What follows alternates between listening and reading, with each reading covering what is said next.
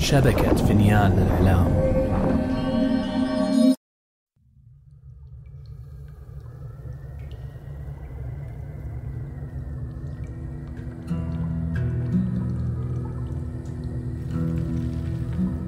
افتح يا سمسم. يا لقوة هذه الكلمات الثلاث فبها حصلت على ألذ ما في الحياة. وبسببها لقيت حتفي أنا وزوجتي على أيادي الأربعين حرامي اسمي علي بابا. ولكن هذه ليست قصتي. هذه قصة ابنة شاد وسعيها للثأر.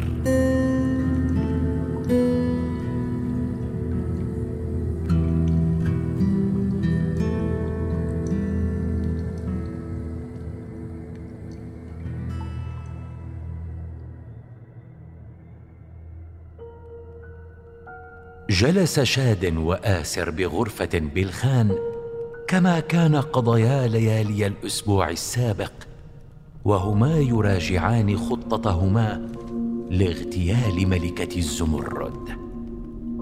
كانا قد اتفقا على تنفيذ الخطة في الليلة القادمة بعدما اكتشفا أن الملكة ستكون بمفردها بالمنزل لأن الملك سيغادر لتفقد مطحنة خشب قريبة من المدينة وسيقضي الليلة هناك.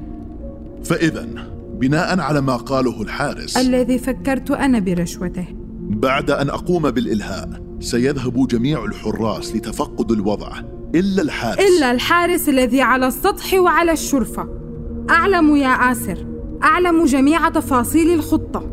كانت قد سئمت شاد التي أرادت قتل الملكة بأسرع وقت ممكن من المراجعة المستمرة.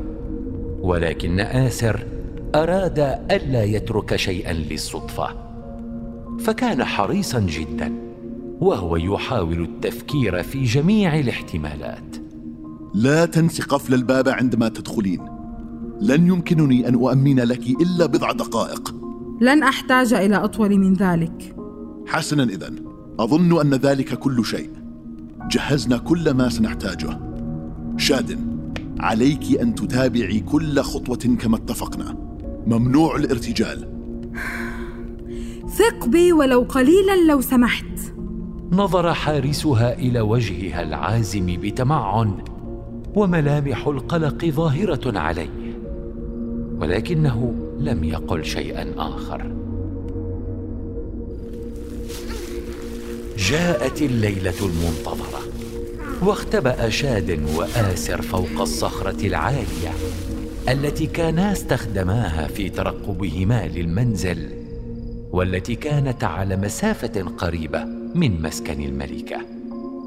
أخذ آسر نفسا عميقا ثم التفت إلى شاد قائلا سأذهب لأبدأ إذن. انتظري الإشارة. سألقاك هنا بعد أن تنتهي. أومأت شاد برأسها بجدية ولكن حارسها لم يتحرك بل قام بإخراج قناع من قماش داكن اللون من الحقيبة الكبيرة التي كانا قد جلباها معهما. أريدك أن ترتدي هذا القناع. لا أريد أن تتعرف عليك الملكة. ولم لا؟ أريدها أن ترى وجهي عندما أقوم بق... لا! إن أردتني أن أنفذ الخطة سترتدين القناع. عبست شاد بغضب ولكنها أخذت القناع منه بعنف. لا تريها وجهك. أتفهمين؟ سوف تعرضين نفسك للخطر إذا لم تقدري على قتلها. راقبها آسر وهي ترتدي القناع ثم ارتدى هو قناعا آخر. أحرصي. سأراك قريبا. لم تجبه شاد وهي تتجه لحافة الصخرة لتراقب المنزل. فانطلق للبدء بالخطة. وبعد بضع لحظات سمعت شاد صوت اصطدام من مسافة بعيدة. كان صوت الإلهاء الذي اتفقا عليه. فكان قد قام آسر بدفع عربة خشبية من فوق تلة على بعد مسافة من المنزل. راقبت شاد المنزل منتظرة ردة فعل الحراس. فنجحت أول خطوة من الخطة. وذهب معظم الحراس لتفقد مصدر الصوت إلا حارسين. الذي كان على سطح المنزل والذي جلس على الشرفة خارج غرفة الملكة. قفزت شاد إلى صخرة قريبة لتضع نفسها حيث لا يراها حارس الشرفة. ثم أمسكت بقوس من الحقيبة وحملته بسهم.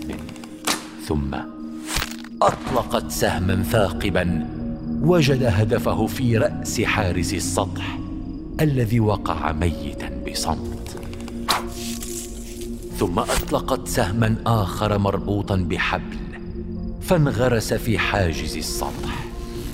شدت الحبل لتتأكد من متانته ثم انزلقت نازلة على الحبل إلى السطح. تسللت إلى حافة السطح حتى باتت تطل على الشرفة فنزلت إليها بقفزة خفيفة وراء الحارس الجالس فباغتته بحركة كسرت رقبته ثم أخرجت مفكا من درعها. وبدأت بفك براغ الحاجز الحديدي الذي كان وضع على نوافذ الشرفة. ألقت شاد الحاجز على الأرض بعناية ثم فتحت إحدى النوافذ ببطء. ودخلت الغرفة المظلمة. في الظلام رأت شكل الملكة النائمة على السرير. تسللت بصمت إلى الجانب الآخر من الغرفة وأدارت المفتاح في قفل الباب. ثم اقتربت من الملكة على السرير وهي تسحب سيفها. وضعت نصل السيف فوق صدر الملكة وهي تقول استيقظي. من هناك؟ ألم أقل لكم أن لا يزعجني أحد؟ من أنت؟ أتدري حجم الغلطة التي ترتكبها الآن؟ أنت؟ خلعت شاد قناعها فنظرت إليها الملكة باستغراب. فتاة ماذا تفعلين هنا يا طفله ألم تعرفيني؟ لقد التقينا سابقا. حدقت الملكة بشاد التي ارتسمت على وجهها نظرة حاقدة. ومليئة بالكراهية. تلكما العينان. انت هل أنت ابنة علي بابا؟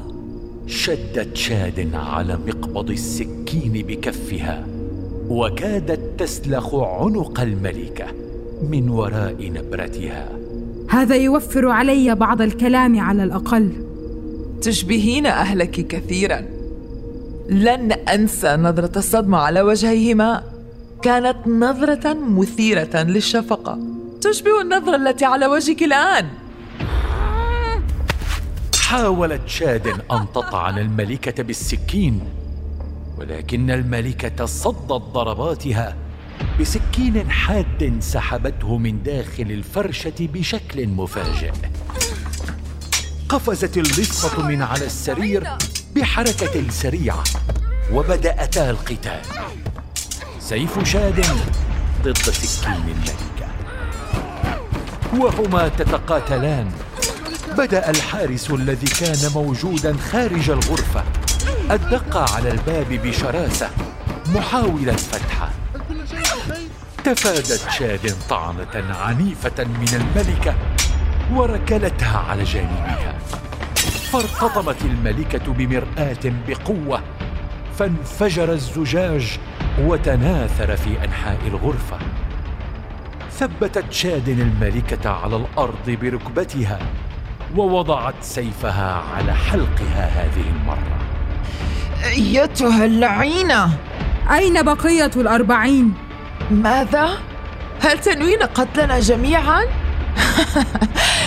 ألم تتعلمي شيئا من أبيك لأهبل؟ سأقطع عنقك كما فعلت بوالدي تلك الليلة. فجأة من ظلام ظل أحد أركان الغرفة ظهر شخص آخر بسيف مقوس وسدد ضربة قاتلة به إلى شاد التي قفزت من فوق الملكة لتتفادى الضربة في آخر لحظة. لماذا انتظرت كل هذا الوقت؟ أردت أن أرى قدراتها. انصدمت شاد عندما رأت الرجل النحيف ذا اللحية وثمة حرق على عنقه عضو آخر من اللصوص الأربعة الذين قتلوا والديها تلك الليلة وراءها ارتفعت أصوات الطرق على الباب قد عاد المزيد من الحراس أنت؟ ماذا تفعل أنت هنا؟ ركان حارسي الشخصي ولا يترك ملازمتي أبدا.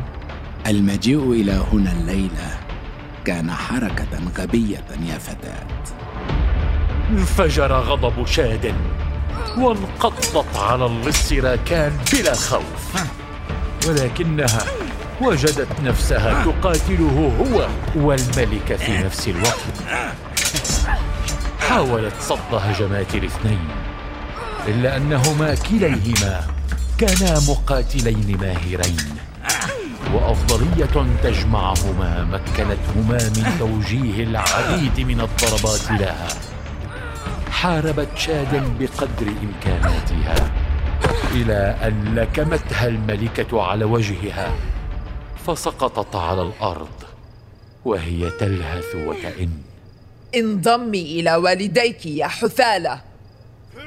تحطمت النوافذ عندما قفز آسر من خلالهم إلى الغرفة وظهوره المفاجئ شتت انتباه الملكة التي كادت توجه الضربة القاضية إلى شاد. ارفعوا أيديكم عنها أيها الأوغاد! أعرف هذا الصوت. الحارس جئت متاخرا كالعادة. هاجم آسر للسراكان بسخط. وبدأا يتبارزان حول شاد الممددة على الأرض. أما الملكة فحاولت أن تتجه إلى باب الغرفة لتدخل الحراس. ولكن شاد جرت نفسها على الأرض وأمسكت بقطعة من الزجاج وطعنت ساق الملكة مرارا وتكرارا لتقع على الأرض. اتركيني يا سافلة! أحكمت شاد قبضتها على ساق الملكة وقلبتها على الأرض بآخر ما تبقى لها من قوة. بينما كان لا يزال آسر يتعارك مع راكان بالسيف حملت شاد نفسها حتى باتت فوق الملكة التي راحت تصرخ بصوت مكتوم. فقد وضعت شاد يدها الملطخة بالدماء على فمها فثبتت رأسها على الأرض وكادت تقطع عنقها بالزجاج. شادن! إلا أن صوت صرخة آسر أوقفها فرفعت نظرها له بهلع. أنت ضعيف يا حارس. انفتحت عينا شاد بصدمة عندما رأت آسر على ركبتيه. وينزف بغزارة من أحد كتفيه. كان اللص راكان واقفا أمامه وسيفه مرفوع بالهواء وكان كأن مرور الوقت قد توقف في تلك اللحظة. والصراع بين خيارين يثور في عقل شاد. هل تقتل الملكة أو تنقذ آسر؟ انقضت شاد على راكان لتدفعه بعيدا عن آسر فوقع خارج الغرفة وعلى أرض الشرفة. ولكن في اللحظة التي تركتها شاد قامت الملكة بفتح القفل وانفتح الباب على مصراعيه ليدخل عشرات من الحراس إلى الغرفة. أمسكت شاد بآسر ورفعته عن الأرض ثم قفزا خارج الغرفة قبل أن يصل إليهما الحراس. أمسك بهما!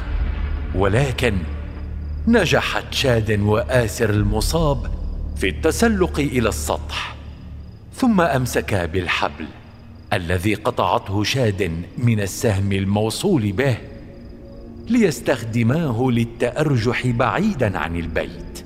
يا مولاتي! لقد اختفيا بين الصخور.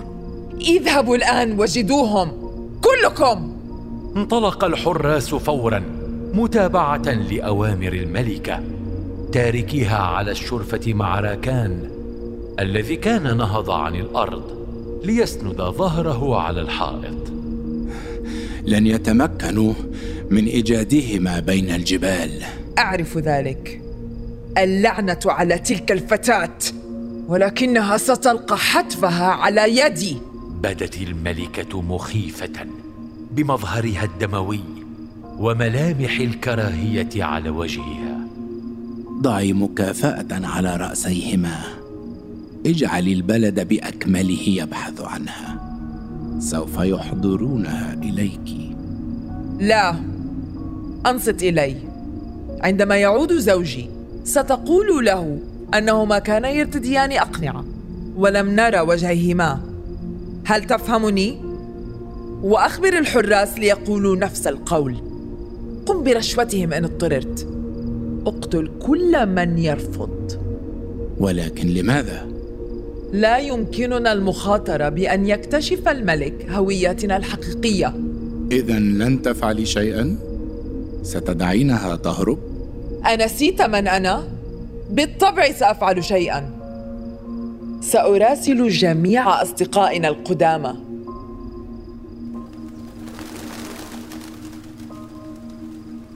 تلك الليلة انطلق ثمانية وثلاثون طيرا إلى كافة أنحاء العالم وكل واحد حامل رسالة إنذار ستغير مصير مهمة شاد. من الآن فصاعدا. اليوم التالي شاهدت شاد من مكان اختبائها قوافل الملك تغادر المدينة وخيبة الأمل تغمرها. إلى جانبها أسند آسر الذي كان لا يزال ضعيفا بسبب إصابته رأسه عليها. ماذا سنفعل الآن؟ ارتح الآن فقط. أغمضت شاد عينيها لتحاول كبح الإحباط الذي شعرت به. كانت قد نجحت في قتل خمسة لصوص إلى ذلك الحين ولكن بقي منهم الكثير الكثير جدا. وأحست بأن الدرب لن يزداد إلا صعوبة. ولكن نار الكراهية الهائجة بداخلها لن تنطفئ إلا عندما يرقد جميعهم وبالأخص الملكة الشريرة ميتين تحت أقدامها. فلم تكن هذه نهاية قصتها بل كانت مجرد بدايتها.